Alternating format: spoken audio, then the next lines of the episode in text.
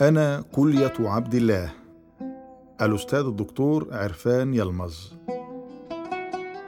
عزيزي عبد الله أنا الكلية عضو من الأعضاء الضرورية لحياتك. أعيش في منطقة الخصر من جسمك محاطة بحماية جيدة ومربوطة بشكل متين إلى الظهر عن يمين عمودك الفقري ويساره. الكلى وإزالة السموم. أنا أهم جهاز أساسي للتصفية والتفريغ في نظام المنشآت الصحية التي تعيش في المعمل الذي تدعوه جسما. فمن خلال عمل صديق القلب ينتقل الغذاء والأكسجين إلى جميع أعضائك. ومن الطاقة التي تحصل عليها من هذا الغذاء تسد الحاجة الصغرى التي تحتاجها جميع أعضائك وأعمالك اليومية. فهل فكرت يوما أن لهذه النشاطات الرائعة التي تجري في جسمك من أجل الحصول على الطاقة فضلات أو فحما ناجما عن حرق هذا الحجم من الغذاء؟ فلذلك تحتاج إلى تنظيف جسمك وطرح الفضلات المتجمعة فيها تماما مثل احتياجك إلى طرح الفحم الناجم في موقدك الذي تستعمله في التدفئة عن طريق المدخنة واحتياجك إلى تنظيفه من بقايا الحرق بين الحين والحين. وإلا فلن تستطيع استخدام موقد ممتلئ بالرماد. فبينما تنفث غاز ثاني أكسيد الكربون الناجم عن حرق الغذاء الذي نقلته إلى جسمك عن طريق رئتيك تستطيع أن تطرح من جسمك الفضلات النيتروجينية عندما تتجاوز حدا معينا من خلال العمل الصامت الذي تقوم به أجهزة الفلترة التي أملكها. فينبغي أن تعرف أني جهاز ينقذك من الموت من خلال تصفية دمك من المواد السامة. ولا أكتفي بطرح الفضلات بل أعمل أيضا في الإشراف على المستوى الدقيق للماء والسكر والأحماض الأمينية والأملاح المتعددة الضرورية في تأمين التوازن الداخلي لجسمك. أنا باختصار مختبر صغير ولكنه حياتي مهم كالكبد الذي يعتبر مختبرا كبيرا. أنشطة الكيمياء الحيوية في الجسم. يعتبر التوازن الحمضي القلوي في الدم ومستوى الماء في الجسم وكميات الأملاح المختلفة مقادير مهمة تتعلق بنشاط الجسم كله. وعند وقوع أي خلل فيها يبدأ الاضطراب بالظهور في أقسام مختلفة من محرك الجسم. ولذلك أعمل دائما ودون أن تدري على معايرة مستوى السوائل والأملاح المتعددة وفق البرنامج الذي وضعه ربنا الذي خلقني بشكل حساس دقيق وأودعني في جسمك.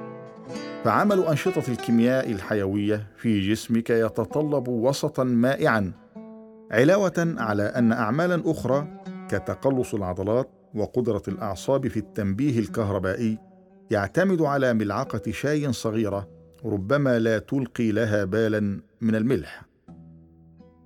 وآثار البقع البيضاء التي يخلفها جفاف العرق في قميصك في يوم حار أو عقب جري طويل ما هي إلا الأملاح التي فقدتها من جسمك؟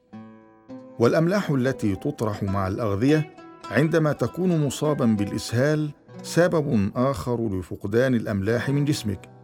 ويكون هذا الفقدان للأملاح في حالة الإسهال خطيرا لا سيما عند الأطفال. الكلى وتبادل السوائل بين الأنسجة والدماء. إن الفروق في الكثافة والتركيز بين البروتينات والماء في توازن معين بينهما يشكل أساسا لتبادل المواد بين السوائل الموجودة في الأنسجة والدماء.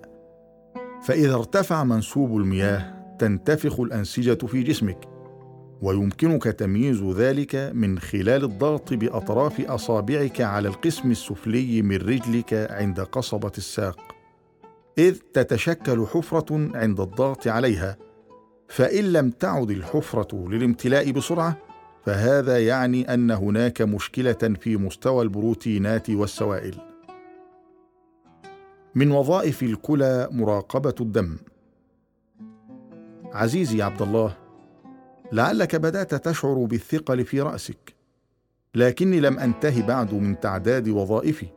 وربما تظن أني أبالغ كثيرا إذا ذكرتها كلها.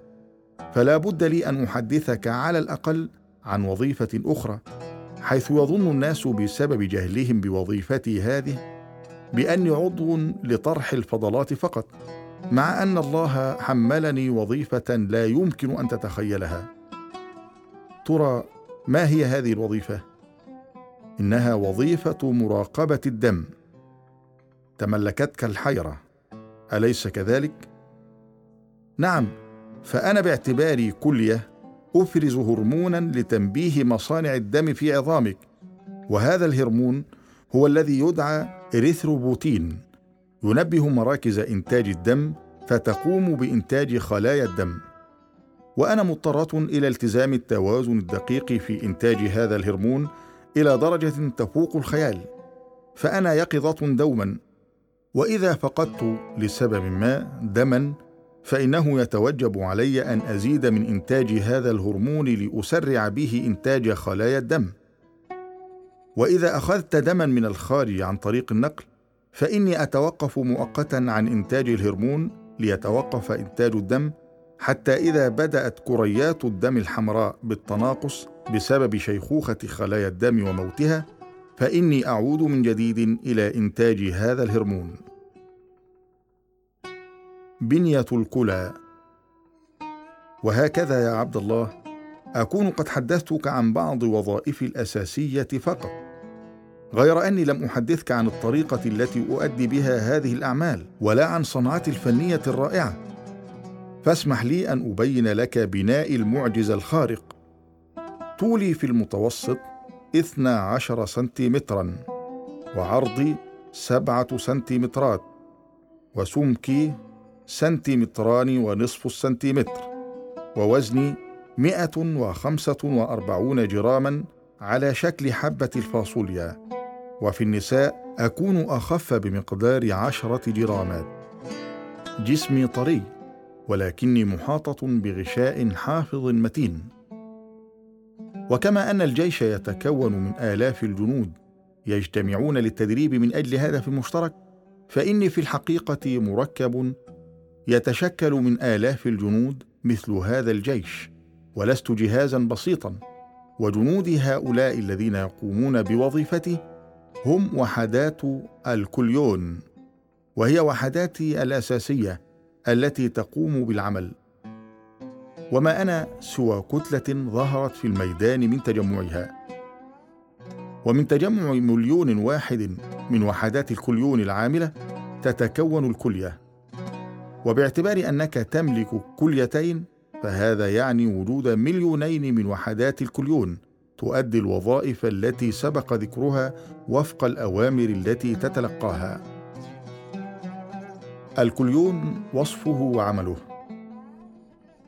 يمكنني أن أصف لك الكليون بأنه عبارة عن قناة دقيقة ذات نهاية مغلقة بطول يتراوح بين ثلاثة إلى خمسة سنتيمترات يتسع هذا الطرف المغلق من قسمه الأمامي ليأخذ شكل كبسولة مؤلفة من طبقتين تدعى محفظة بومان. تدخل فيها الأوعية الدموية الشعرية التي تدعى الكبيبات. وهذه الشبكة من الأوعية الدموية تتشكل من تفرع وريد الكلوي الذي يحمل إلي الدم إلى فروع كثيرة فتمد لكل كليون ذراعا ولأن ضغط الدم في الوعاء الشعري أعلى من ضغط السائل في محفظة بومان تندفع المواد الضارة في الدم إلى المحفظة وتتقدم على طول قنياتها. البول الحقيقي حجمه ومقداره. وبينما يجتاز واحد واثنان من عشرة من اللتر في الدقيقة وألف وثمانمائة لتر في اليوم من الدم إلى قنيات التي تدعى كليونات تنتقل المواد السامة مع الماء إلى هذه القنيات. وبينما يجتاز هذا الحجم الكبير للدم الذي يبلغ أربعمائة ضعف من الحجم الكلي الموجود في جسمك ليعود من جديد إلى الأوردة يترك في قنياتي 180 لترا من السوائل وكان ينتظر أن تطرح 180 لترا من البول في اليوم لأن هذه الكمية هي التي تتصفى من الدم وتنتقل إلى قنياتي كل يوم فهل كنت تستطيع أن تشرب الماء وتتناول الملح لو أنك طرحت هذا المقدار من البول كل يوم؟ لذلك فإن ربنا الذي خلقني بحكمته وقدرته قد أشفق عليك وزرع في أجهزة امتصاص تقوم بامتصاص 178 لترا وخمسة من عشرة من اللتر.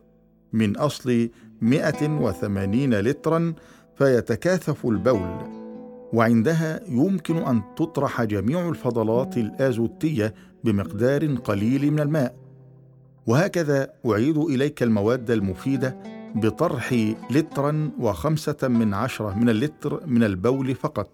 والمكان الذي يجري فيه عمل الامتصاص هو التواء على شكل حرف يو في وسط القنيات يدعى مقبض هنلي وينتشر حول مقبض هنلي شبكة واسعة من الأوعية الدموية تعاد من خلالها المواد الممتصة إلى الدم ويتم امتصاص المواد السائلة من الأوعية الدموية من جديد في قناة أكبر تحتوي الكثير من الكليونات ثم يتم تنقيطها في حوض الكلية ويدعى الحويضة. وتتشكل من فراغ واسع وسط الكلية فيمتلئ ثم تنتقل هذه المواد السائلة عبر القناة البولية إلى المثانة. وفي المثانة عندما تبلغ كمية البول مستوى معينا وتضغط على الجدران يتم الإحساس بالحاجة إلى التبول وبارتخاء العضلات المقلصة في الطرف السفلي للمثانة يطرح البول إلى الخارج. لا يستطيع معظم الناس تقدير قيمة أعضائهم. عزيزي عبد الله، باستثناء أصحاب العلم العميق، لا يستطيع معظم الناس تقدير قيمة أعضائهم قبل أن يمرضوا. ولذلك ينبغي عليك أن تقرأ كثيرا وتزور المستشفيات بين الحين والحين وتزور المقابر أيضا. زر مريضا مثلا في المستشفى ينام في قسم أمراض الكلى أو مريضا يتابع المستشفى كل أسبوع من أجل غسيل الكلى واسأله عن أحواله. عندها تعرف قيمة كليتيك بشكل أفضل. وإياك أن تنسى أولئك المرضى الذين يضطرون إلى تنقية دمائهم كلها من خلال تمريرها في أجهزة غسيل الكلى. بسبب فشلها المزمن وعدم تمكنها من القيام بوظيفتها. ويستيقظون كل صباح وينتظرون الهاتف في لهفة. ترى هل وجدت كلية مناسبة تصلح لنقلها إلي؟ أسباب الفشل الكلوي. عندما ذكرت الكلى المزمنة تذكرت يا عبد الله اسبابا كثيرة يمكنها أن تفتح الطريق إلى تخريب فالإنتانات البولية طويلة الأمد وبعض الأدوية التي تستخدم لفترة طويلة وبعض المواد كالأسيتون وغليكول الإيثيلين ورابع كلوريد الكربون والزئبق والرصاص واليورانيوم والفقدان الكثير للدم وارتفاع ضغط الدم والحروق الشديدة وعدم ملائمة الدم المنقول يمكن أن يكون كل واحد منها سببا لفساد لا يمكن معه إصلاحي. ربما يمكن لي أن أتماثل للشفاء في بعض حالات الفشل الكلوي التي تحدث فجأة عن طريق الأدوية. ولكنه بالإهمال يمكن أن أدخل بسهولة في حالة الفشل الكلوي المزمن. توجد حالة أخرى تسبب لي المتاعب. هي تكون الحصى التي تسبب لي آلاما شديدة نتيجة الاضطراب في عمليات الاستقلاب المختلفة. وعلى العموم فإنه بسبب نقصان مستوى السوائل في الجسم أو تكاثف الأملاح عند اضطراب التوازن الحساس بينهما تتجمع المواد المنحلة في السوائل مشكلة الحصى وبينما يعرقل هذا الحصى جريان البول يمكنها أيضا أن تكون سببا لإنتانات جديدة. كيف تقلل من مخاطر تشكل الحصى؟ وحتى تتجنب هذا الحصى يمكنك أن تكثر من شرب الماء فتعيق تراكم الأملاح. والأهم من ذلك أن تتجنب حبس البول إلى درجة الإنزعاج. وحاول دوما أن تتبول قاعدا لا قائما. فتؤمن بذلك فراغ المثانة بشكل جيد وتقلل من مخاطر تشكل الحصى. يمكنني العمل على مساعدتك في البقاء على قيد الحياة حتى أفقد تسعين بالمئة من طاقتي. فعندما يتوقف جزء كبير من أجزائي عن العمل يزيد القسم السليم المتبقي من نشاطه ليسد الفجوة الحاصلة. وفي حالة استئصال الكلية الأخرى أحمل أعباءها بنفسي دون شكوى إلا أنني أتضخم قليلا وأزيد من سرعتي. وتركيب البول الذي أنتجه يتوقف على ما هو موجود في جسمك كتركيب العسل الذي ينتجه النحل يتوقف على أنواع رحيق الزهور المختلفة التي يجمعها. أو كالجرة يرشح منها إلى الخارج ما تحويه بداخلها. لذلك فإن تركيب البول الذي أنتجه مهم جدا في تشخيص أي مرض لأنها تعبر عن أمور كثيرة تخص جسمك.